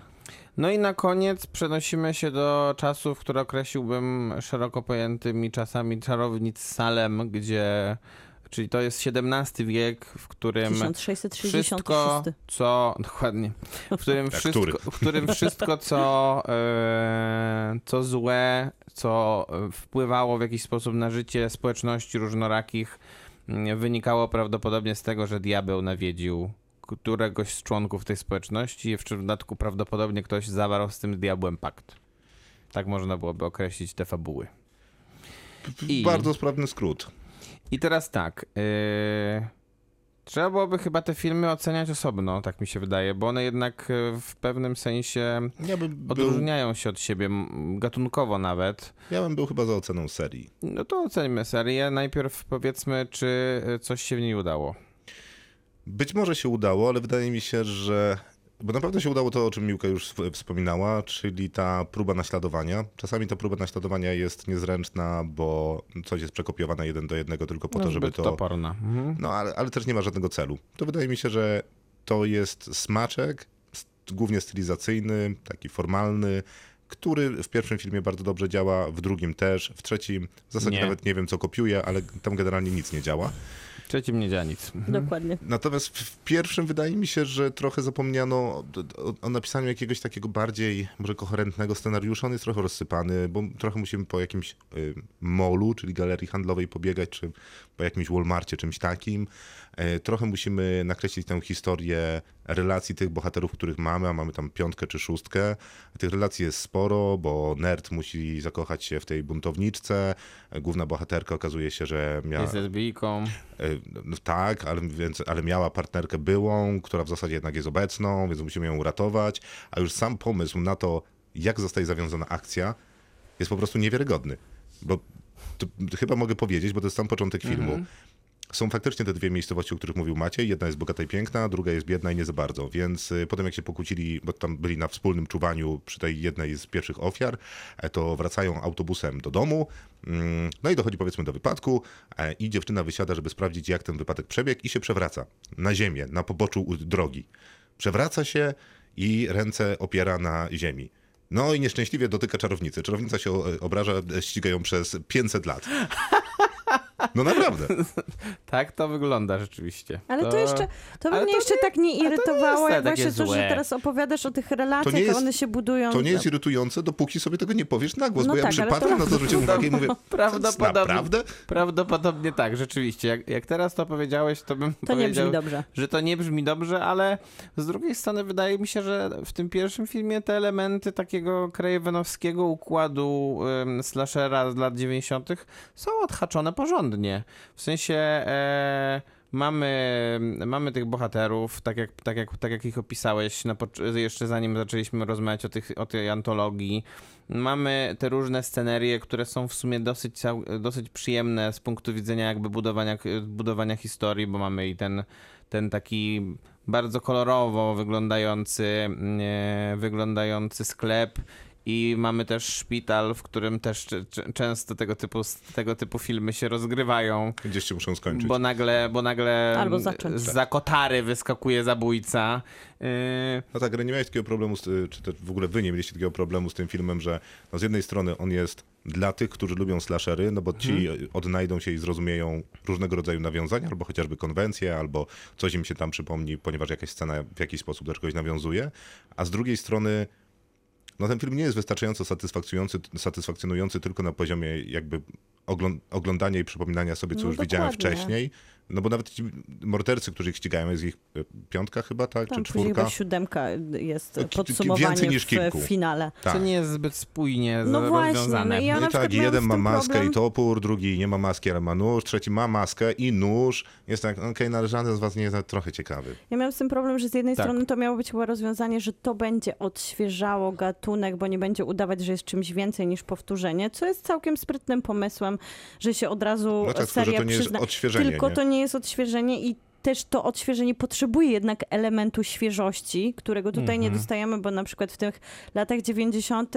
jednak ta nostalgia, którą, nie wiem, dostawaliśmy w Stranger Things za faktycznymi tymi czasami lat 90., 80. nie działa, bo jest troszkę za mało czasu, żeby nam przedstawić to uniwersum lat 90. Nie działają te relacje, bo z jednej strony jakbyśmy weszli może bardziej w te sztampowe relacje, tak jak zrobił to Krzyk, że jest faktycznie te podziały są łopatologiczne i to ma sens, bo prześmiewa pewne podziały, ale one tu nie są upatologiczne i trochę się starają być emocjonalne, ale nie ma czasu na to, żeby były emocjonalne, bo trzeba jeszcze nam sprzedać origin story, które trzeba wepchać ten pierwszy odcinek, żeby połączyć otworzyć drugą częścią. uniwersum Mm. i żeby połączyć z drugą częścią i nagle jest się chaotycznie i tak jak mówisz, nawet ci zabójcy zostają zepchnięci totalnie na drugi plan. Oni gdzieś tam biegają, ale trochę ich nie widać. No dlatego jest najlepsza problem. jest, dlatego najlepszy z tych trzech filmów jest ten drugi, bo, e, bo on jest przynajmniej spójny pod tym względem, że Tak, nawet dostajemy, dostajemy no. jedną lokację. E, I opętanie. e, Dos, dokładnie. Dostajemy jedne, dostajemy tak naprawdę, wiemy, wiemy gdzie się znajdujemy, wiemy jakich mamy bohaterów. Z tymi bohaterami bardziej czy mniej można się związać, przynajmniej w tym drugim filmie. Mm, Mają jakąś większą ekspozycję, a Tak. mniej emocjonalnej, jakiejś takiej łączenia, że ktoś z kimś jest parą, a ktoś z tamtym się zna, bo mieszkają obok siebie, a ktoś jest rodzeństwem. I w dialogu to jest dobre. Mhm. Tak. W sensie dialogi mi się najbardziej podobały ze wszystkich trzech filmów, bo są jakby dobrze napisane, ktoś czuje to, to słowo. Natomiast trochę za mało chyba czuję humoru, bo nie ma za bardzo humoru. Wydaje mi się. Znaczy, Przynajmniej jest go za mało. W pierwszej części tym humorem była ta, która jakby jest opętana w drugiej części, w paru Mhm. scenach i to nawet było niezłe. E, Tylko z kolei te sceny, nie wiem, poświęcenia na przykład, Mhm. no to to w ogóle nie działa. Y, No tak. Muzyka mogłaby być lepsza. Mogłaby być też znowu taka trochę z, z, z, na Trochę jest pójście na na łatwiznę. No, mhm. No i przede wszystkim, jeżeli to jest slasher, to on jest bardzo, bardzo mało krwawy. Jakby Bardzo. trochę jest chyba niezainteresowany tym, żeby być slasherem. Co więcej, e, wydaje mi się, że w bardzo wielu scenach te sceny, w które mają być krwawe, są ucinane w momencie, kiedy ma, ma krew Kiedy się dopiero na ekranie. zaczynają, nie? dokładnie, to jest taki teasing. To ja jest też takie, miałam to takie jest coś w- dziwnego. wrażenie. Natomiast no, przynajmniej tego drugiego filmu ja bym mocno jednak bronił. Myślę, że on rzeczywiście jest chociażby spójny i dobrze się go w sumie oglądało. Do, bo, to, bo to jest też ważne w, w takich filmach, które nie mają przecież żadnych ambicji tak naprawdę, żeby, No nie, żeby, no żeby, w miarę jednak to płynęło. I to, i to e, w tym drugim filmie płynie zupełnie sprawnie. Ja myślę, że na korzyść Okej. drugiego działa też takie trochę rozwiązanie jak w American Horror Story, że już trochę znamy niektórych bohaterów i to, że oni powracają sprawia, że czujemy się komfortowo, ale przychodzi trzecia część, gdzie spotykamy się ze wszystkimi, ale w takiej konwencji filmowej, stylistycznej, która nie działa, Nie, nie, nie, tam robi się z tego pani- taki nieudany Monty Python. No. E, Ta pani Linia Janiak e, sobie wymyśliła, że przeniesie bohaterów do XVII wieku, nie, nie zmieniając im twarzy, zmieniając im tylko teoretycznie akcent, którym mówią. I wypada to, wypada to naprawdę jak, jak słaby odcinek Monty Pythona. Nie ma słabych odcinków Nie ma, Monty właśnie Python. Okej. wygląda jakby chciał udawać ten odcinek, Powiedzmy, kiedy tak. Staram się utopić wygl- czarownicę. wygląda jak czwarta część Underworldu, która dzieje się w średniowieczu. Nie wiem, czy pamiętacie ten film. A, Underworld jest super, jakby tam wyskoczyły wilkołaki i wampiry nawet na te Nie, na no tych czwarta bohaterów część, która dzieje się w średniowieczu, jest największym zawodem tej serii. To prawda, przyznaję ci rację, ale i tak lubię. lepiej byłoby tam się wrócić do tego filmu niż o Niż wrócić tutaj, tak. Nie, ten. dobra, ale wracając jeszcze do tego drugiego, bo, y, bo upierasz się, żeby bronić tego drugiego filmu. Ja też nie, nie jestem jakby wielkim fanem tegoż, bo masz rację, że ogląda się go bez specjalnego bólu. Być może dlatego, że w pierwszym filmie nauczyłem się znosić tych bohaterów, no bo już jakby jakąś lekcję odrobiłem. Ale Ale w drugim nie ma tych bohaterów. no, część jest. Przez chwilę. Tak, oni są tam No. jakby te retros...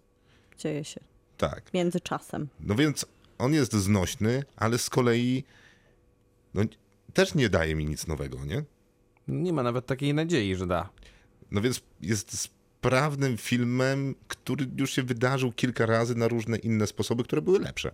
No tak, tylko że z drugiej strony wydaje mi się, że jednak sprawność filmowa mm, jest tutaj, jest tutaj niezaprzeczalna, tak? W sensie... Ale to jest Tak, trochę e, wyrachowanie tego Dokładnie tak. A, a, a, a w kontekście slasherów to, to, to nie jest wcale tak mało, bo Tylko, poza, mało poza tymi, które... No tak, poza tymi, które wymieniliśmy jako dobre, to było ich mnóstwo bardzo złych. I myślę, że myślę, że to jest e, pewien argument, którym można ten, ten przynajmniej odcinek Fear Street obronić. Okej, Tylko, nie jest że- najgorszy. To Tylko, jest... że jeżeli chodzi o takie obozowe, krwiste slashery, to zwykle ten motyw obozu po prostu dobrze działa. Nie wiadomo Tak. dlaczego, prawdopodobnie dlatego, że właśnie to No to nie, ograniczenie ale tutaj też nie lokacyjne... został zepsuty. E, Nie Przypomnijcie sobie został, Wojtka ale prostu. właśnie on też jest taki trochę rozkraczony Gabriele pomiędzy, Muskałę. Z W lesie dziś nie zaśnie Mhm. nikt. pomiędzy byciem slasherem, a byciem trochę fantastyką, bo tam dostajemy nagle jeszcze te nadprzyrodzone elementy, trochę jednak No nie, no, jest też... nadprzyrodzone tu- elementy dostajemy od początku. No tak, ale wydaje mi się, że tu są najlepiej pokazane, bo przynajmniej chwilę z nimi spędzamy. Widzimy jakieś kreacje tak, tak, tak. W, tych w, potworów. w pierwszej to są jakieś takie flashbacki. wrzucone, jakby wyrwane z kontekstu sytuacja. Tu widzimy jednak te kreacje tych potworów, to bijące serce zła, te wszystkie takie Tak. symboliczne rzeczy. Tylko, że przez to to nie, nie klei się jako jedna narracja. Ja, ja też e, miałam takie wrażenie, że po prostu tracę czas przez wszystkie trzy A części, nie, to na absolutnie finale... traciłem A czas. na finale to już po prostu był gwóźdź do trumny. Nie, bo jeszcze jest taki jeden problem, że ten film, ma, obawiam się, że ma jednak pewne ambicje, żeby coś powiedzieć o świecie. Mhm. E, y, I trochę za dużo mu czasu zajmuje opowiadanie o świecie, który chciałby widzieć, a trochę za mało poświęca czasu na mordowanie swoich bohaterów, a jest jednak slasherem. I to jest jego prawdopodobnie, moim zdaniem, jednak największa wada. No, bo on jednak musi odnaleźć w sobie czas na to, żeby wymordować swoich bohaterów. jest w to, finale- Jak absurdalnie by to nie brzmiało. scena z urywaniem ręki, to jak byłoby dużo takich scen, to ja bym była zadowolona. W sensie, że faktycznie. No właśnie, ale problem jest też mięso, ze ścinaniem tych scen, chociaż może tu akurat tam nie. potrze- potrzebne, a go tu nie ma. Ta scena akurat nie jest ścięta. Nie, no, krwi i mięsa. E, e, Okej, będziemy oceniać to co, całą antologię, tak? Tak. I co? Cztery? Ja sześć. Właśnie myślę, czy cztery. Cztery. No nie, nie, a jak zrobiłeś tą matematykę? To nawet jeżeli ten drugi jest na sześć, to pozostałe nie są. Nie, no drugi jak dla mnie jest na 7 nawet. No dobra, no ale to to pierwszy nie jest na No więcej. jest na 5. No to jakoś to Ja policzę. ja Dobra, chciałam jeszcze- 12, a trzeci jest na ile? Na jeden? To powiedzmy, Na dwa? że jest na 3. Na trzy? Nie jest, naprawdę jest na Nie trzy? jest. To wtedy 5 wychodzi. Daję 6 i tak. Ale jeszcze, mogę jeszcze jedną rzecz Proszę. powiedzieć, że w tym drugim pojawia się bohaterka, którą oglądamy w drugim sezonie albo trzecim Stranger Things, ta młoda główna bohaterka obozowa. I to pokazuje, jak ważny jest casting. Ona tak jakoś to naturalnie niesie, a jednak ten główny casting nie działa w tym filmie. No to też prawda.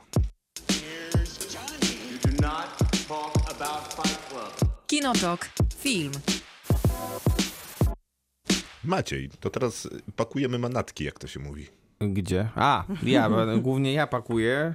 I dobrze to wychodzi w sumie, jeśli chodzi o te slashery, bo na Octopus Film Festival w tym roku, który się odbywa w Gdańsku po raz bodajże czwarty, będzie można obejrzeć trochę slasherów też, starych slasherów. To jest w ogóle dobry festiwal, bo kto to robi? Bo to Grzegorz Fortuna coś tam robi. To jest Grzegorz były Fortuna laureat, i, i Velvet Spoon jako dystrybutor. były laureat Nagrody imienia Krzysztofa Mędraka. Swoją sekcję ma też y, Michał Oleszczyk z podcastu Spoilermaster. Tak, Michał Oleszczyk ma swoją sekcję, która się nazywa Malinobranie i z tej sekcji też już wybrałem sobie jeden film. Mhm. I jak, Jest a jakie to są filmy w tym Malinobraniu i czemu to jest Malinobranie? Y, No bo to są bardzo złe filmy, A, okej. dlatego się nazywa Malinobranie. Tak, pełna I, logika. i, I tam są różne filmy. Michał wybrał w tym roku jeszcze jakiś musical bodajże, natomiast ja sobie wybrałem e, film, który się nazywa Egzorcysta 2 Heretyk. O nie! Myślę, że to będzie wspaniały seans. A to twój pierwszy seans? Tak, Dzielny człowieku. pierwszy seans. Mm, natomiast y, ten, ten festiwal A oczywiście... widziałeś? Ten, Tak. ten festiwal oczywiście ma Nie. Okej. Ten festiwal oczywiście ma swój konkurs, o którym za bardzo nie będę mówił, bo tych filmów, bo o tych filmach trochę niewiele wiadomo. Natomiast Bo w konkursie są y, większość albo same filmy, które nie miały dystrybucji ani kinowej, ani VHS, ani DVD, ani w ogóle. Nie. Dokładnie tak. Jednym z tych filmów będzie film, który się nazywa Komar. Film e, niejakiego Jana Rymszy, który będzie miał też Był polski... na Nowych Horyzontach. Polski. Właśnie. Tak. Będzie między innymi. Będzie, Rozmawialiśmy i, z twórcą. będzie, Tak, ja widziałem ten film przecież. widziałeś, też. tak? Tak. Ja To dobry jest film czy słaby? Oj, to jest trudna rzecz. To jest specyficzny film. Rozumiem. On będzie w konkursie i, ja- i na Oktopusie i z tego co patrzyłem jest też zakwalifikowany do konkursu głównego na festiwalu filmowym w Gdyni. Który? K- Komar. To jest ten film, to rok temu to oglądaliśmy na Nowych Tak, Horyzontach. tak. Taki o człowieku, Wiem, który... wiem. Tak, nie wiem. Nie, to niedobrze A jest. propos Body Komara, horror, body horror. a propos Komara, Niby.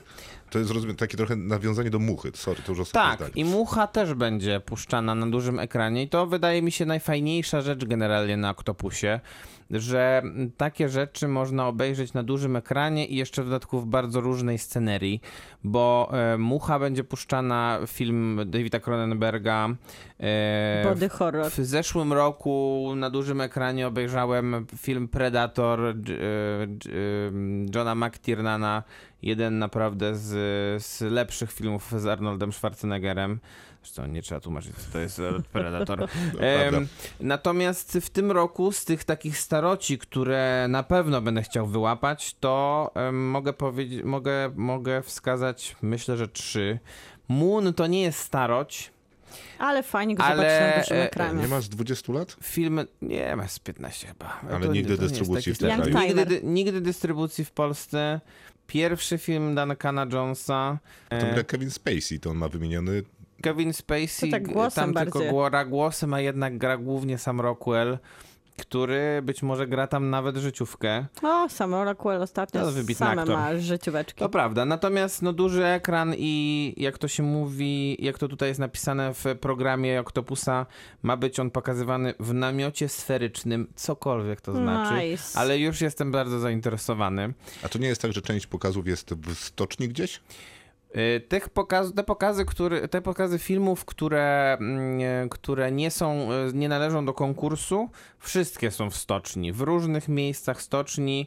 Generalnie całość odbywa się przy ulicy Elektryków. Tam są, tam są różne kluby czy różne, różne hale, które są zaadaptowane na kluby muzyczne i, i, które, i które Octopus podbiera sobie na ten, na ten tydzień festiwalowy. I tam właśnie w bardzo ciekawych scenariach i w bardzo ciekawie ułożonych scenografiach ogląda się te filmy.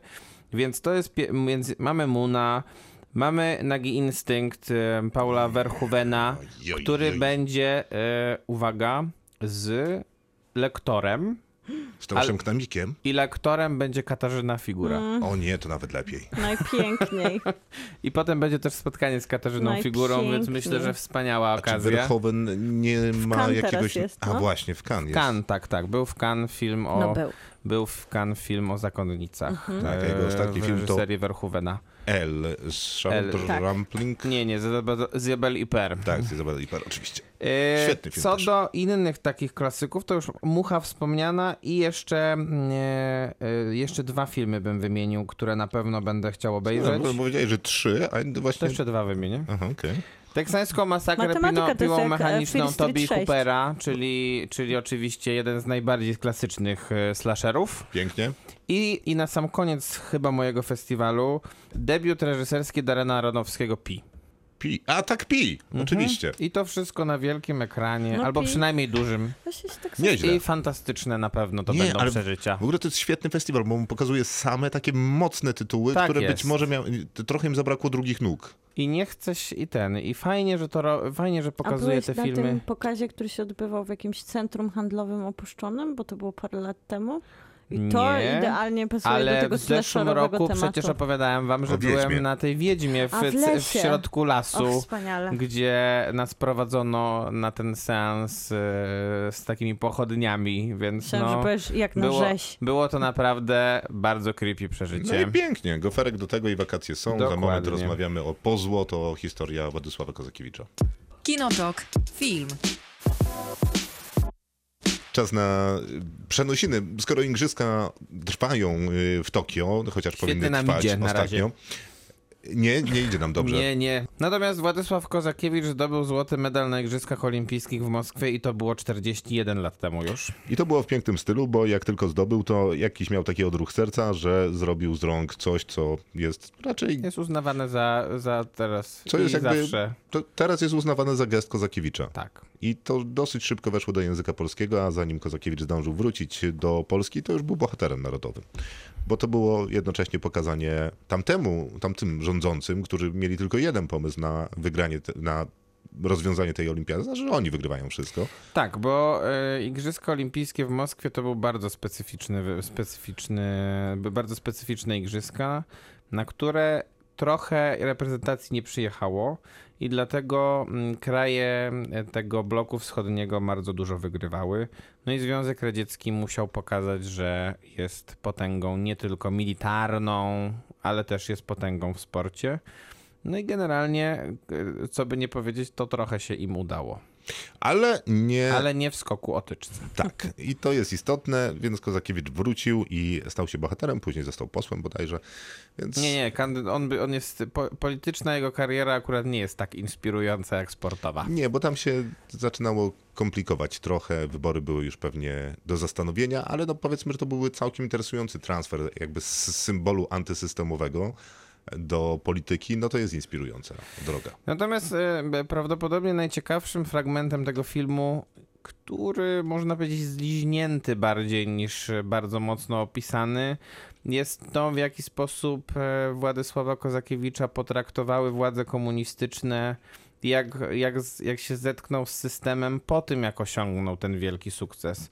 Bo przedtem to wszystko było generalnie względnie różowo, dopóty, dopóki on nie był kontuzjowany na Igrzyskach Olimpijskich w Montrealu, czyli 4 lata przed Moskwą, doznał kontuzji i wtedy, mimo że był wielkim faworytem, to złotego medalu nie zdobył. Później w Zresztą Moskwie... Tak. wspomina to w filmie i w zasadzie nie może tego znieść. W Moskwie ten złoty medal zdobył, zresztą bijąc rekord świata. E, wtedy ten, wtedy ten rekord 5,25 bodajże? był... Nie, nie, 5,78. Tak, a teraz skacze się spokojnie A powyżej teraz 6. się skacze 6,19. A, no właśnie. E, tak skacze Armand Duplantis, aktualny rekordzista świata w skoku o tyczce, reprezentant Szwecji. E, natomiast e, później te władze komunistyczne rzeczywiście pokazały, na co je stać w kontekście całej, całej postaci Kozakiewicza, bo on zaczął... Mu ge- jego własny gest. Dokładnie, bo Mhm. on zaczął zarabiać pieniądze, co im się przestało podobać, zaczął jeździć po świecie, co im się przestało też podobać. I w pewnym momencie, jak zaczął jeździć po tym świecie, a one już były bardzo na niego wkurzone, to w końcu po prostu wyjechał na zachód, a dok- dokładnie do Niemiec zachodnich, tak zwanych, czyli Republiki Federalnej Niemiec. Gdzie I do tam został. em, I dostał polskie obywatelstwo, e, niemieckie, Niemieckie. obywatelstwo. No i z tym niemieckim obywatelstwem później startował jako Niemiec przeciwko Polakom. I Miłka, wygrał z Miłka jest zawas, zafascynowana, zasypia. Przepraszam, troszkę się Nie, nie. no. Jest późno, dla tych, którzy nigdy nie słuchali programu na żywo, to jest pół do dwunastej w tym momencie. No ten film jest, y, jest w bardzo prosty sposób zrobiony, bo jest to jednak... e, Jest Tak. Sekundę. Ja rozmawiałem z reżyserem i scenarzystą Ksawerym Proszę. Szczepanikiem e, i kiedy oglądałem ten film, miałem takie skojarzenie, że to jest trochę metoda zrobienia filmu takiego jak Emi, Senna czy Maradona. Mhm. Diego dokładnie. Tak, Diego, y, Asafa Kapadi. Natomiast, bo on robi filmy w zasadzie z samych materiałów archiwalnych. Tak. Natomiast Ksawery Szczepanik mógłby to też zrobić, tylko chyba miał za mało tych materiałów archiwalnych i być może trochę gorszego nosa niż Asif Kapadia. Bo No i me- dlatego musiał, musiał wstawić jeszcze gadające głowy do filmu. które są najgorsze. W No sensie są. wstawienie Władysława Kozakiewicza do tego filmu i zrobienie z tego filmu filmu Laurki, który staje zdecydowanie po jednej stronie Władysława Całej Kozakiewicza, opowieści, tak. czyli Nie no, Władysław jest Znaczy to- opowiada tylko jedną Władysław historię, Kozakiewicz jego jest historię. świętym człowiekiem. Tak. Po Tak, prostu. tak. pomnik, pomnik peleryna. I moim zdaniem, w sensie ma prawo zrobić taki film, ale po co? Jakby wszyscy wiemy, y, No co właśnie. zrobił Władysław Kozakiewicz w 80 roku, jaka była recepcja i że to naprawdę super, ale chyba ciekawsze by było dowiedzieć się, jakby co było No, później. ale mówisz o Asafie Kapadim i o jego filmach e, dokumentalnych, sportowych, które, jak często powtarzamy, są jak oglądanie filmów fabularnych z ekstra akcją, które super wciągają. Tak jest. I dają nam też inne emocje niż tylko jednak, chociaż opierają się na materiałach archiwalnych, niż tylko wiedza historyczna, którą możemy sobie sprawdzić w Wikipedii, albo którą w, w wypadku Władysława Kozakiewicza wydaje mi się, że większość z nas jednak ma. Poza tym to, co... O- wiedzę zna, tak, tak, poza tak. tym to, co opowiadasz o To tym nie ustraju, To, nie to też było dużo. to dosyć.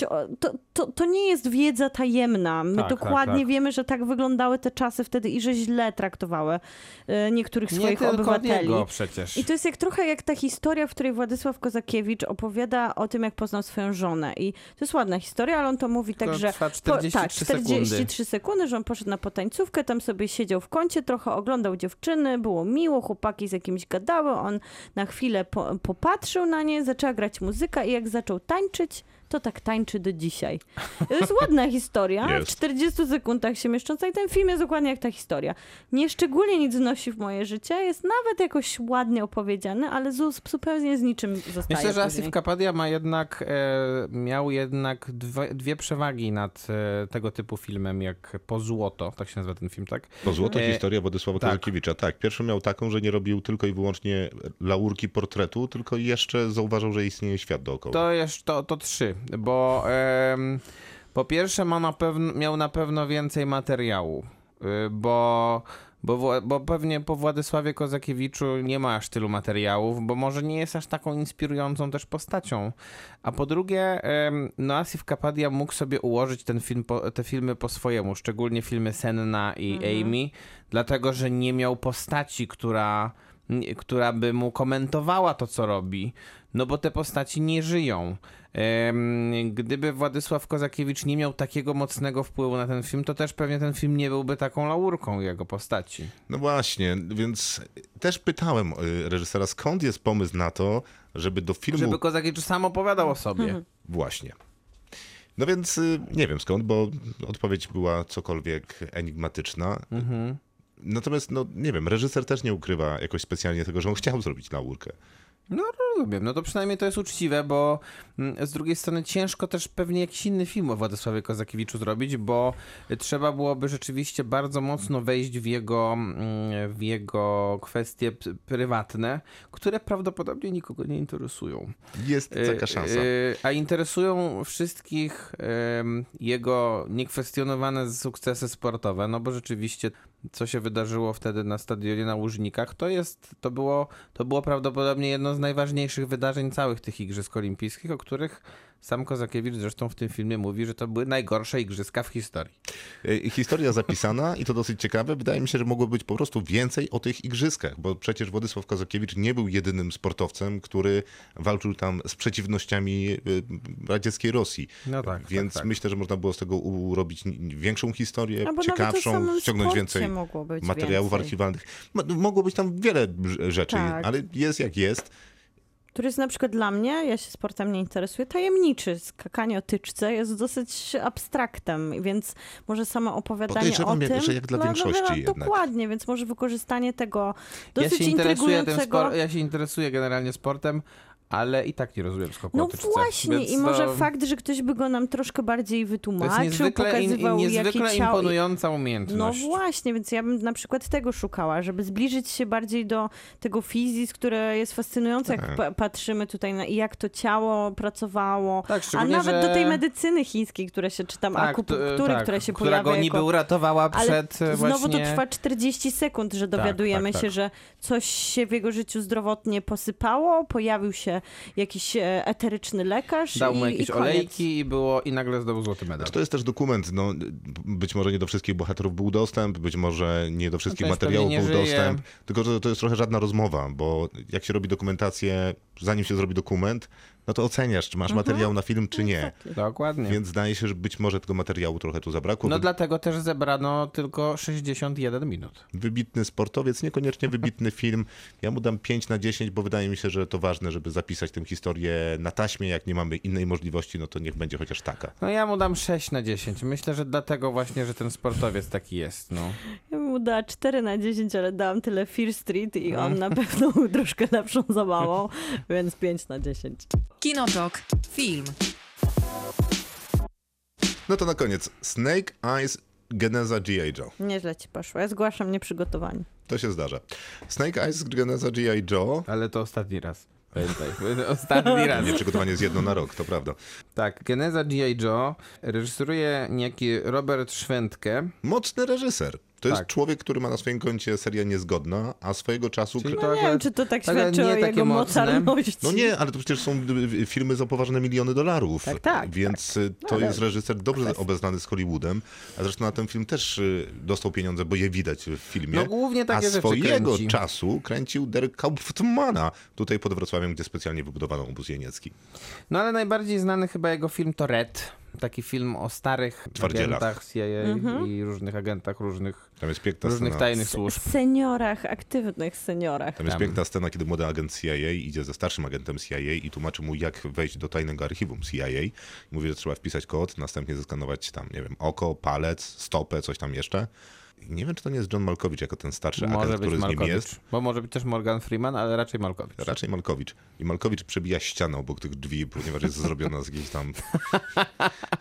No to, ma, to jest nie najgorsze. I To teraz jest tak, niezły gag. I po co, nie lubisz tego filmu? Ja go lubię. Red jest spoko filmem. Bardzo. Tam Helen Mirren chyba jest jeszcze jakąś tam Helen zabójczynią. Mirren jest rosyjską chyba Nie, angielską. Z tam CIA, czy z Nie, nie, rosyjską. MI6? rosyjską. Też mi się wydaje, że rosyjską. Tak mi się wydaje, no. Ja będę No, trzymał, że sprawdźmy MI6. to. Ja jestem nieprzygotowana, mogę Jest MI6. Prawda, a my będziemy gadać. E, więc mamy dwa filmy już o tym G.I. Joe były robione Mhm. i one były już parę lat temu. Kurde, Tam w to jednym, stary film, w jednym grał 2010. Bruce Willis, jednym grał Dwayne The Rock Johnson, obydwu grał Channing Tatum i generalnie chyba wszyscy, nikt, nie tego nie pamięta poza tobą. A teraz mamy... Z niewyjaśnionych powodów w A teraz mamy genezę G.I. Joe, y, a konkretnie genezę w- właściwie nie jednej, a dwóch postaci, bo z jednej strony jest to Snake Eyes, A drugi a, a drugi to- to jest Arch Nemesis jego, czyli... Storm Shadow. Dokładnie. No i oni byli w, we wcześniejszych filmach i to faktycznie była chyba najciek- najciekawszy wątek, skąd ci akurat dwaj panowie się wzięli. Bo oni są tacy sami, tylko że jeden nosi się na biało, a drugi na czarno, ale obaj to I ten, wyglądają co na jak czarno, taki... to nie jest zły, a ten, co na biało, to jest zły. Tak, i to jest taki twist Ale westernowy. Yeah! Tak, tak. Ale obaj wyglądają jak nowocześni samurajowie, jak ninja, bo no generalnie Tak, biegają tak, z tak. kataną, z japońskim mieczem. No i teraz dostajemy takie origin story, czyli że e, ten je, e, Snake Eyes uratował... Jak to drugi był? Storm Shadow. Storm Shadow, czyli Tomiego z rąk swojego, jego, jego kuzyna, który chce przejąć klan, który, który rządzi Tokio. W takim sensie, myślę, podziemnym. A jednocześnie jest aktualnym szefem Jakuzy. Tak, dokładnie. I, em, i bierze go na szkolenie, które ma, które ma z niego stworzyć właśnie członka tego, tego klanu samurajskiego, czy klanu ym, wo, wojowników japońskich, tak można chyba ich nazwać, którzy będą... To jest Liga Cienia z Batmana. Którzy, którzy, którzy, którzy współpracują właśnie z, z, z G.I. Joe. Czyli Tak, a G.I. Joe to jest taka specjalna grupa antyterrorystyczna oparta na zabawkach, które były bardzo popularne swojego czasu od Habro. grupa terrorystyczna oparta na zabawkach. Niektóre rzeczy są na komiksach, to jest na zabawkach. To prawda. No i mamy, e, no i mamy ich rywali, którzy, którzy się nazywają Cobra. I tak. I, i, i ten, ten bohater się szkoli. Snake Eyes się szkoli na to, żeby zostać tym członkiem e, tej rodziny, a Tak, potem a- członkiem G.I. Joe. Więc najpierw dołączył do Jakuzy. Angielka. Dziękuję. Helen Mirren to MI6. A jednak. Więc Snake Eyes dołączył do Jakuzy, dlatego że jego ojca zabił człowiek, który ma dwie kości sześciościenne. Tak. I jeżeli wyrzuca na nich jedynki, to tak jak dwie twarze rzucą monetą, to on jeżeli wyrzuca na tych kościach dwie jedynki, czyli właśnie Snake Eyes, jak to się mówi w kasynie, no to wtedy to jest wyrok śmierci. I zabija ojca tego naszego głównego Snake Eye bohatera, który przyjmuje takie imię, ponieważ jego ojciec nie zostawia mu żadnej historii. I tę rodzinę i nową historię ma mu napisać właśnie ten przyjaciel Opowiadasz Tommy. to tak, jakby to poważne Nie, czy on czyta. Było. Nie, nie czytam. I ten przyjaciel Tommy ma mu dać nową rodzinę w Tokio, w tym klanie, którego wyszkoli. Ale żeby zostać członkiem tego klanu, a jak jest Keijinem z poza Japonii i spoza tego klanu, To bo musisz tam, się pozbyć ego, Tak, bo tam jest krew bezpretensjonalnym, nie, bez, jak to było? bo tam krew jest najważniejsza, tam. to musisz Coś bez. przejść poważne trzy próby. Tak. Ale I, chciałam... i pierwsza Jedna- próba jest bardzo ładna. Jedna, pierwsza próba jest z Miskami wody. miskami z wodą. No proszę, rozwincie. Okej, To tyle. No, no nie, no nie możemy, bo to jest spoiler, a tam jest nawet Aha, jakieś napięcie Szkoda, zbudowane. chciałam wiedzieć. No i panowie się tam szkolą, a jednocześnie jakoś tam jeszcze współpracują z tym bratem. I ewidentne homoerotyczne ten, yy, takie, takie, tak tak- jest taki vibe moim zdaniem, więc naprawdę. Ja nie wiem dlaczego tego w ogóle te filmy nie wykorzystują, To bo jest jakiś Young, Young Master i of dokładnie tak. Eternity Naprawdę, no jak ten, no oni patrzyli sobie tak w oczy Jeden, po, jeden mówił i jeszcze ten drugi dał mu, dał mu ten miecz. No naprawdę, no. No więc być może też należałoby to wykorzystać, bo A to by było To byłby jakiś to dobry była twist jakaś przynajmniej. origin story. A tak Właśnie to to- ten Tommy mówi cały czas przez zęby i po prostu nie da się, nie da się tego traktować poważnie w żaden sposób. Tego Toniego gra Andrew Koji, który zresztą jest aktorem, e, którego widzieliśmy chociażby w Peaky Blinders, w tych dalszych sezonach, kiedy oni walczą właśnie z tą e, y, azjatycko-im gangiem. To chyba jest piąty sezon bodajże Peaky Blinders. Ten, Ja nawet nie albo wiedziałam, czwarty. że walczą z Azjatami. No tak jest. I ten Andrew Koji występuje też w serialu Wojownik, bo obejrzałem wszystkie seriale, które mają Wojownik w tytule przez No, bardzo... się okazało, że jest ich więcej niż jeden. Są dwa przez bardzo złą rekomendację.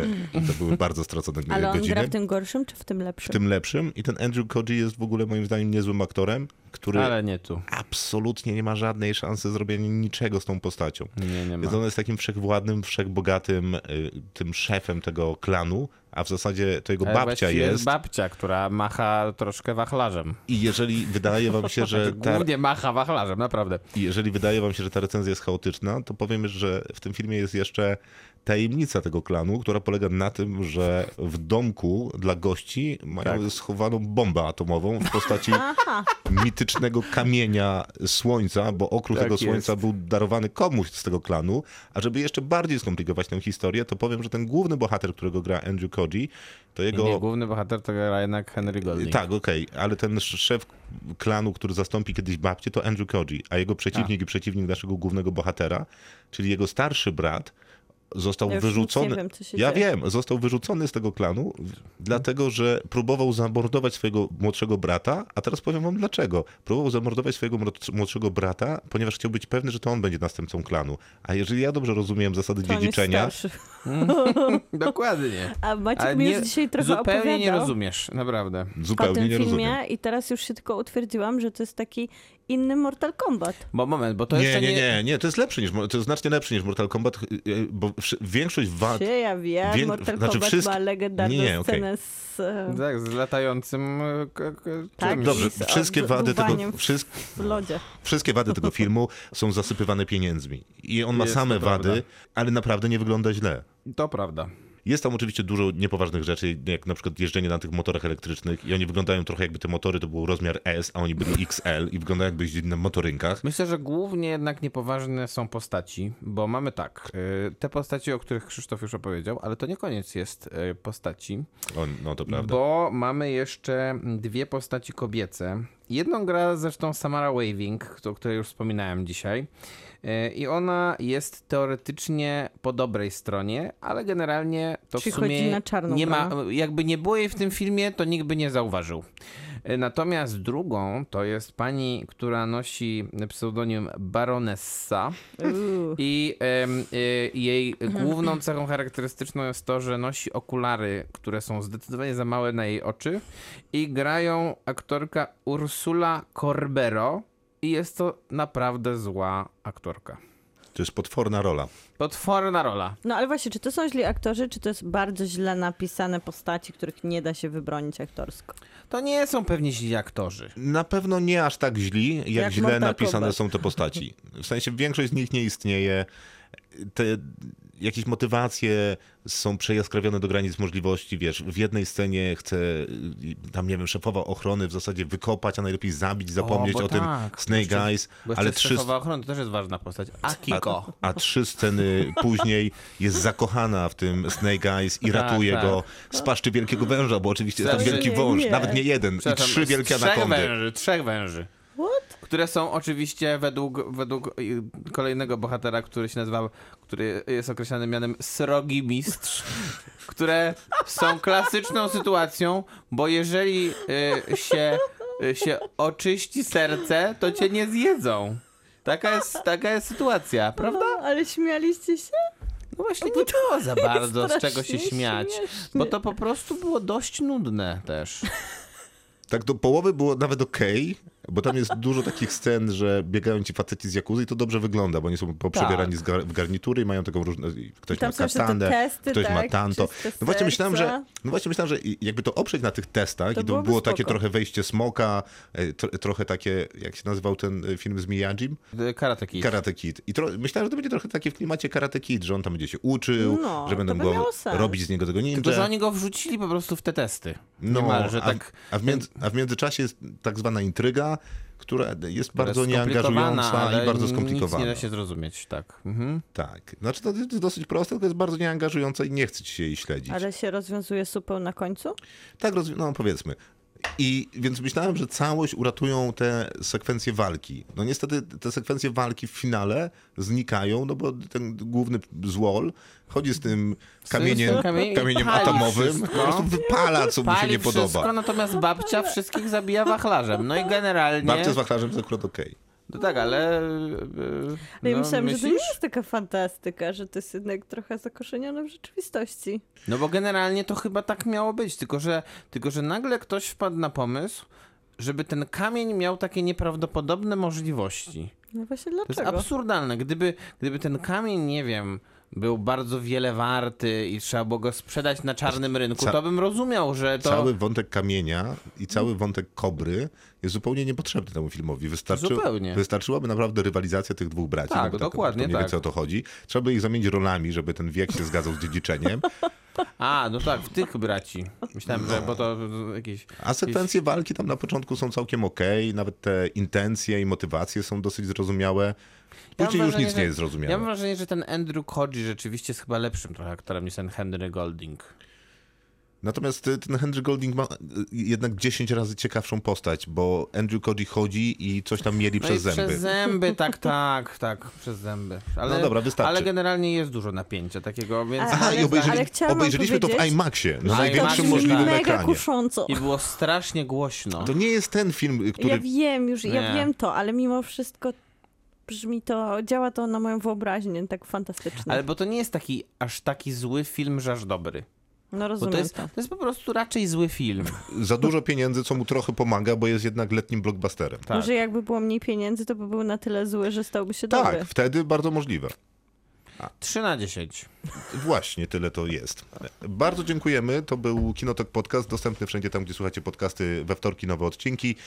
Zapraszamy do subskrybowania, zapraszamy do zajrzenia na Kinotok Podcast na Facebooka. Tam y, w robocie trwa, przypominam, Krzysztof Majewski, małparadioram.pl, gdyby ktoś chciał wziąć udział głosowo. MP3.